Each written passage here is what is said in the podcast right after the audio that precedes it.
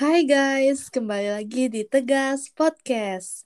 Nah, ada pepatah yang bilang nih, tak kenal maka tak sayang. Meskipun aku udah banyak yang sayang, tapi boleh kan ya aku tetap kenalan? Kenalin, aku Sinta Triutami, kalian boleh panggil aku Sinta. Dan pada kesempatan kali ini, tentunya aku nggak sendiri ya. Kalau sendiri kan capek ya guys. Bercanda ya. Tapi serius, aku nggak sendiri kok. Aku ditemenin sama partner aku, yaitu... Hai guys, aku Kania Kairunisa, biasa disapa Kania.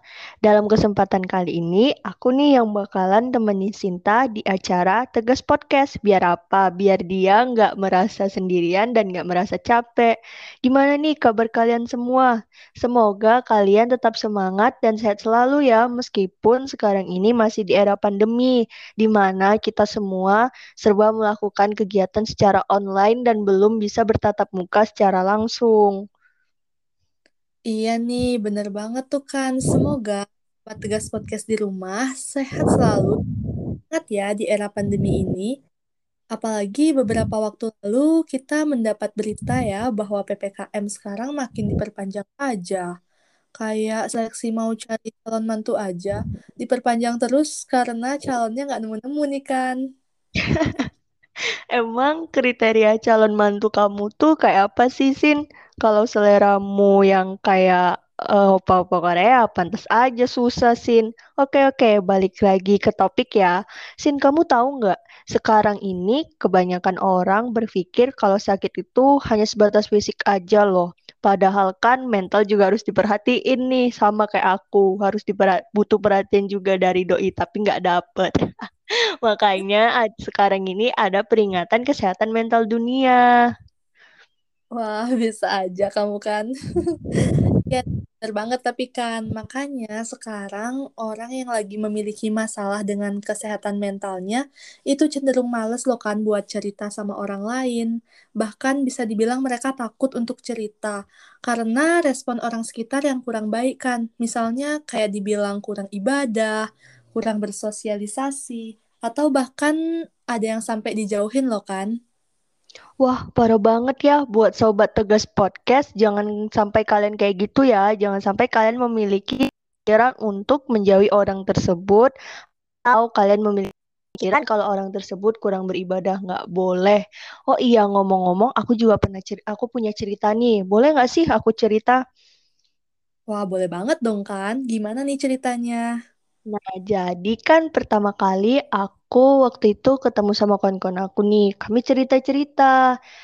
Pas cerita itu, dia tiba-tiba bilang kalau besok dia mau check up kesehatan. Aku pikir kayak dia punya masalah kesehatan sama fisiknya aja loh. Kayak misalkan dia eh, punya masalah penyakit mah, tahulah anak sekarang anak zaman sekarang suka begadang, terus tuh makannya tuh makan mie sama minum kopi. Aku pikir dia punya masalah kayak gitu. Ternyata pas ditelusuri dia punya masalah kesehatan mental, tapi dia tuh nggak ragu gitu loh buat cerita ke kami meskipun ke jarak ke- perkenalan kami tuh belum ada dua bulanan gitu, masih sebulanan lah, masih baru baru kenal.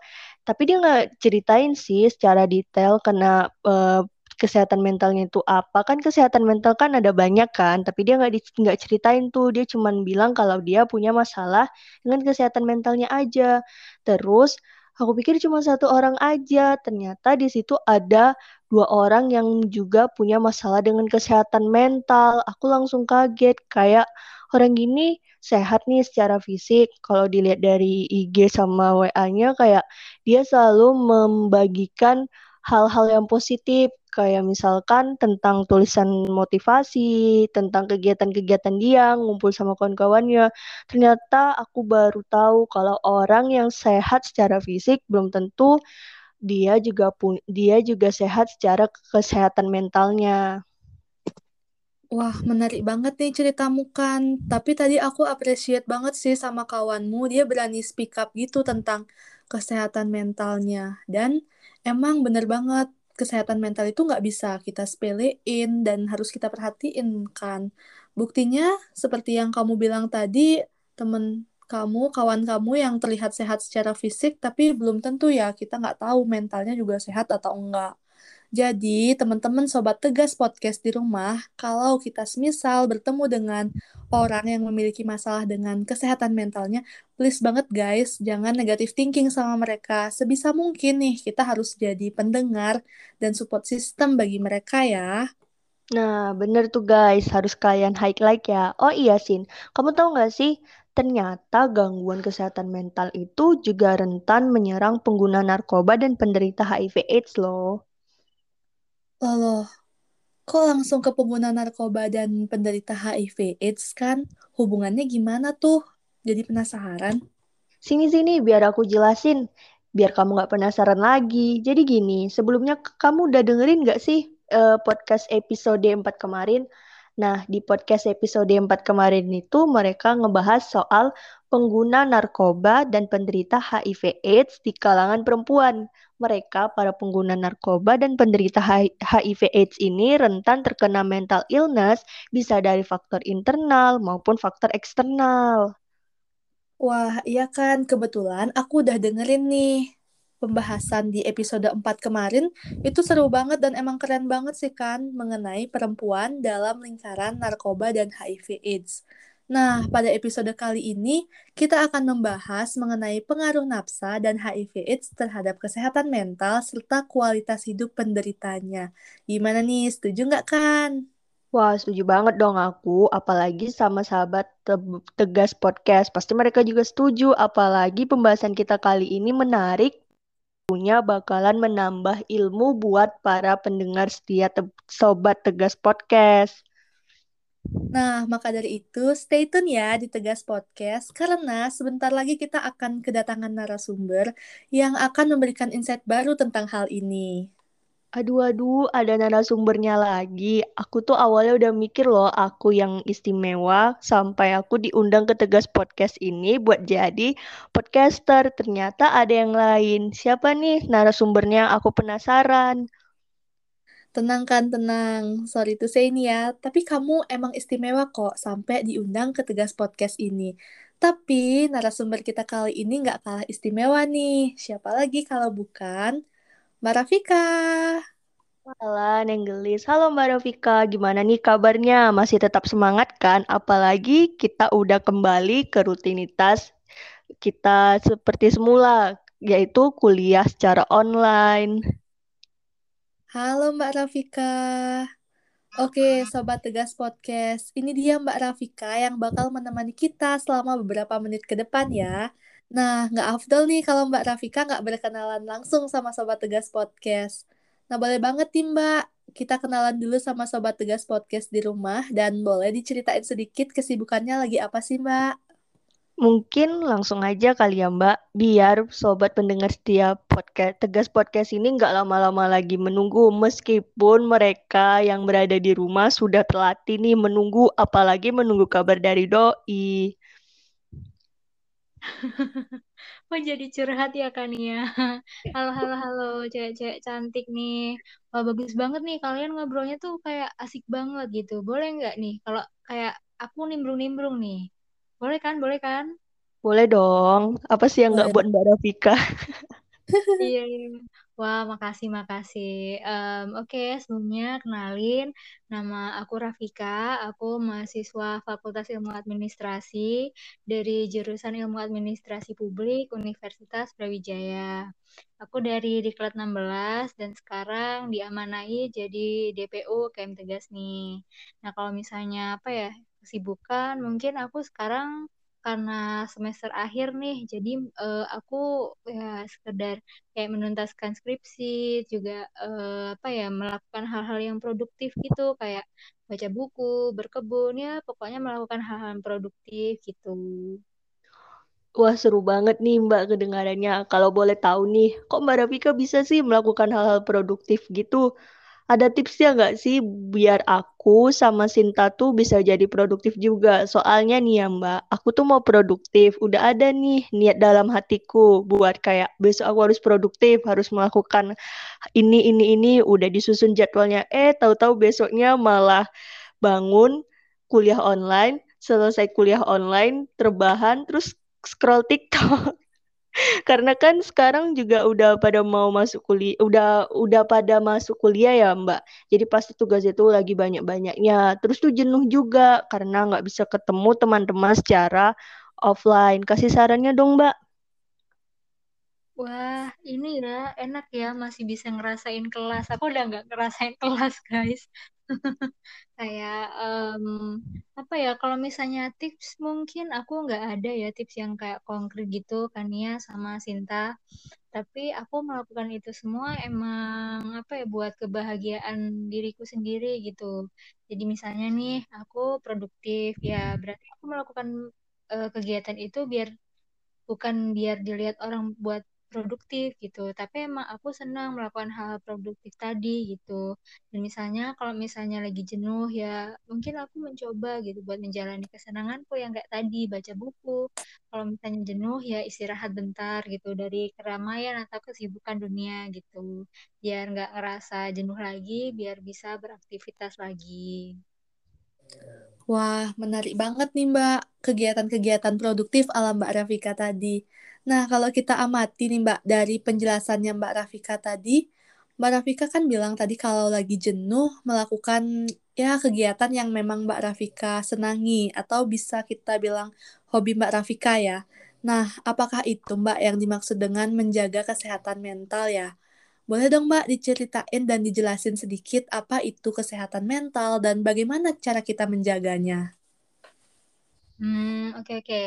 Uh, ini pendapat dari aku aja ya guys ya. Jadi apa yang aku ucapkan ini benar-benar murni gitu dari pengalaman yang aku alami sendiri dan uh, mungkin aku juga bukan dokter atau yang punya otoritas lah buat ngasih penjelasan tentang kesehatan mental.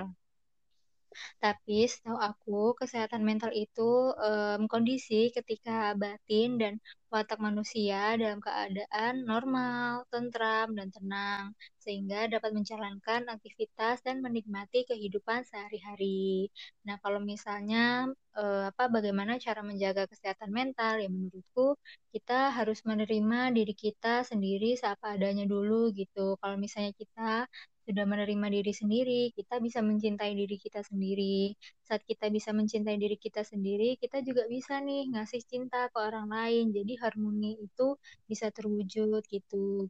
Saat harmoni terwujud kan kita bisa enak gitu, terjaga aktivitasnya, kedamaiannya, seperti itu teman-teman.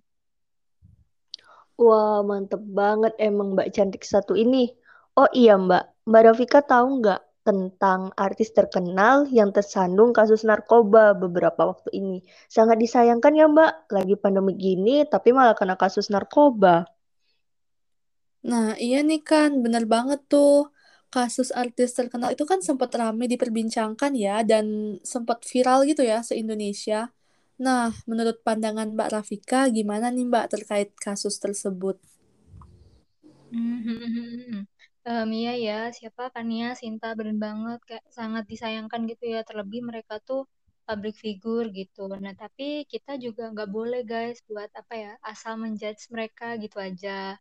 Um, cause everything is never as it seems gitu. Siapa tahu mungkin ada hal yang membuat mereka um, apa ya uh, terpaksa gitu memakai maaf narkoba dan mungkin mereka sedang mengalami keadaan sulit yang sedang mereka alami yang kita nggak tahu gitu sehingga membuat mereka memakai barang tersebut gitu.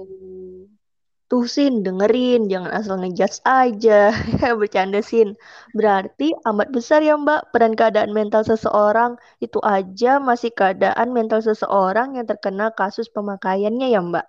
Gimana coba kalau keadaan kondisi kesehatan mental orang yang dengan status HIV AIDS atau ODA?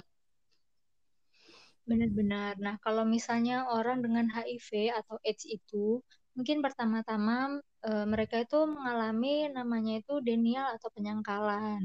E, misalnya nih e, mereka setelah mengetahui status mereka dengan HIV atau AIDS itu mereka seperti merasa oh dunia itu mau runtuh terus juga nggak percaya gitu kenapa semua ini terjadi sama diri mereka bahkan nggak ini ya nggak menutup kemungkinan mereka menyalahkan dirinya sendiri gitu. Nah tapi kalau misalnya kita menemui orang dengan HIV atau AIDS, kita tuh bisa memberikan bantuan ke mereka minimal dalam bentuk support untuk mereka. Nah, iya nih, maaf ya guys. Jadi aku harus berhati-hati lagi dalam menyimpulkan sesuatu. Hmm, sebagai podcast juga harus gitu ya, jangan menilai sesuatu dari luarnya aja. Tapi bener banget sih yang Mbak Rafika katakan tadi, Oda atau orang dengan HIV AIDS itu pasti ya awalnya susah menerima dan pasti juga nggak menyangkal hal itu bisa terjadi pada diri mereka. Tapi Mbak, kalau misalnya nih kita berada di lingkungan teman kita atau bisa dikatakan circle pergaulan kita itu ODA atau orang dengan HIV AIDS. Kan tadi kata Mbak Rafika kita harus selalu mampu memberikan support untuk mereka. Nah, hal apa sih Mbak atau support dalam bentuk apa yang bisa kita berikan atau lakukan untuk mereka? Karena jujur Mbak, aku nih orangnya bukan yang pandai bersosialisasi gitu loh Mbak. Hmm, hmm. Uh, jadi mungkin salah satu hal yang bisa kita lakukan itu uh, ketika kita berada di lingkungan sekitar orang dengan HIV/AIDS, mungkin ya pertama-tama kita bisa menanyakan keadaan mereka.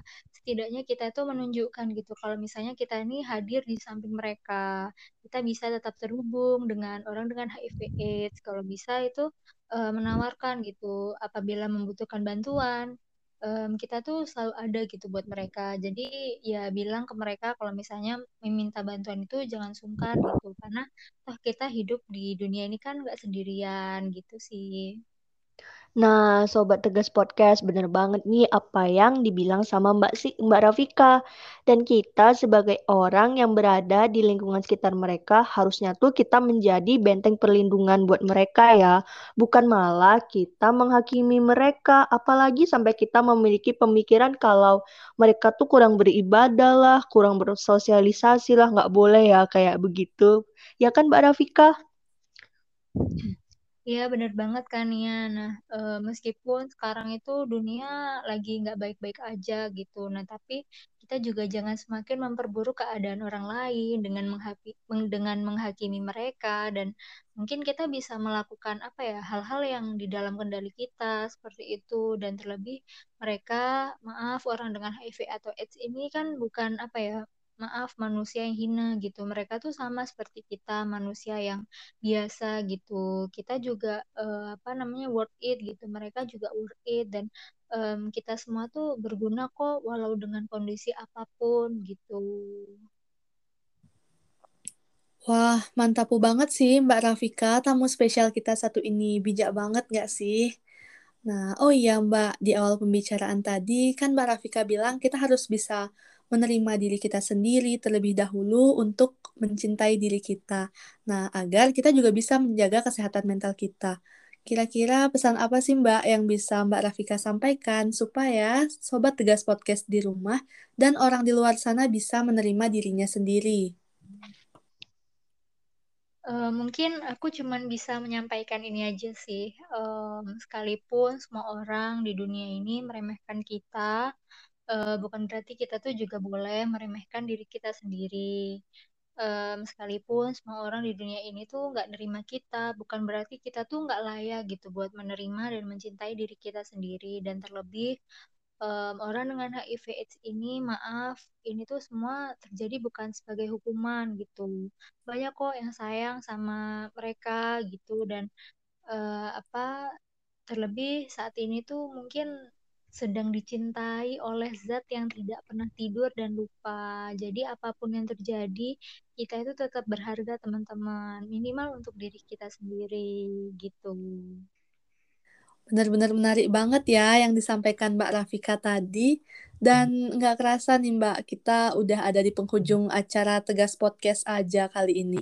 Dan izinkan aku untuk menyimpulkan sedikit diskusi kita yang sangat menarik dan insightful ini Mbak. Jadi, tentunya yang perlu kita highlight adalah yang pasti kesehatan mental itu sangat penting ya Sobat Tegas Podcast dan kita tuh harus selalu memperhatikan kesehatan mental kita dan satu hal lagi kita nggak boleh sama sekali nyepelein kesehatan mental. Dan teman-teman Sobat Tegas Podcast di rumah dan kita semua, kita harus selalu menjaga kesehatan kita dan nggak hanya fisik ya, tapi mental health kita juga. Nah, cara menjaganya bagaimana nih? Nggak jauh dari yang sudah Mbak Rafika jelaskan tadi tentunya, caranya yaitu Mulai dari hal yang sederhana, yaitu mencintai diri kita sendiri untuk menerima diri kita dan kita bisa menjaga kesehatan mental. Selain itu, kita juga bisa melakukan hal atau kegiatan yang produktif, yang kita senangi, yang merupakan hobi kita. Nah, tapi sembari kita melakukan hal tersebut, sel selain kita berproduktivitas, kita juga harus imbangi waktu kita dengan istirahat yang cukup ya, teman-teman. Pokoknya teman-teman jangan stres-stres, harus selalu enjoy menjalani kegiatan. Pokoknya jangan dibawa beban dan harus selalu stay positif ya, but not it COVID-19, oke? Okay? Wah, iya ya, nggak kerasa banget kita nih udah berada di penghujung acara. Aku mau ngingetin lagi nih buat sobat setia Tegas Podcast. Buat kalian yang punya masalah sama kesehatan mental, please cerita aja sama orang lain, tapi harus yang kalian percaya ya. Karena apa? Karena nggak semua orang itu yang kita anggap bisa jadi tempat cerita tuh dia beneran peduli atau cuman uh, sekedar ingin tahu aja. Dan juga buat kalian yang dipercaya sama teman kalian, please banget loh guys, kalian tuh jangan teman kalian tuh jangan dijauhi ya dan jangan negatif thinking sama mereka. Kan tadi udah disampaikan kalau kita harus jadi benteng pertahanan bagi mereka dan diri kita. Maaf, maaf dan terima kasih. Sampai ketemu lagi di Tegas Podcast selanjutnya. Kalau kalian mau kenal lebih dekat lagi bisa nih mutualan IG di at S Tri Utami underscore titik at K A N K H N S A at R A F I I I Q A. Sekian dan terima kasih. Bye bye. Bye bye.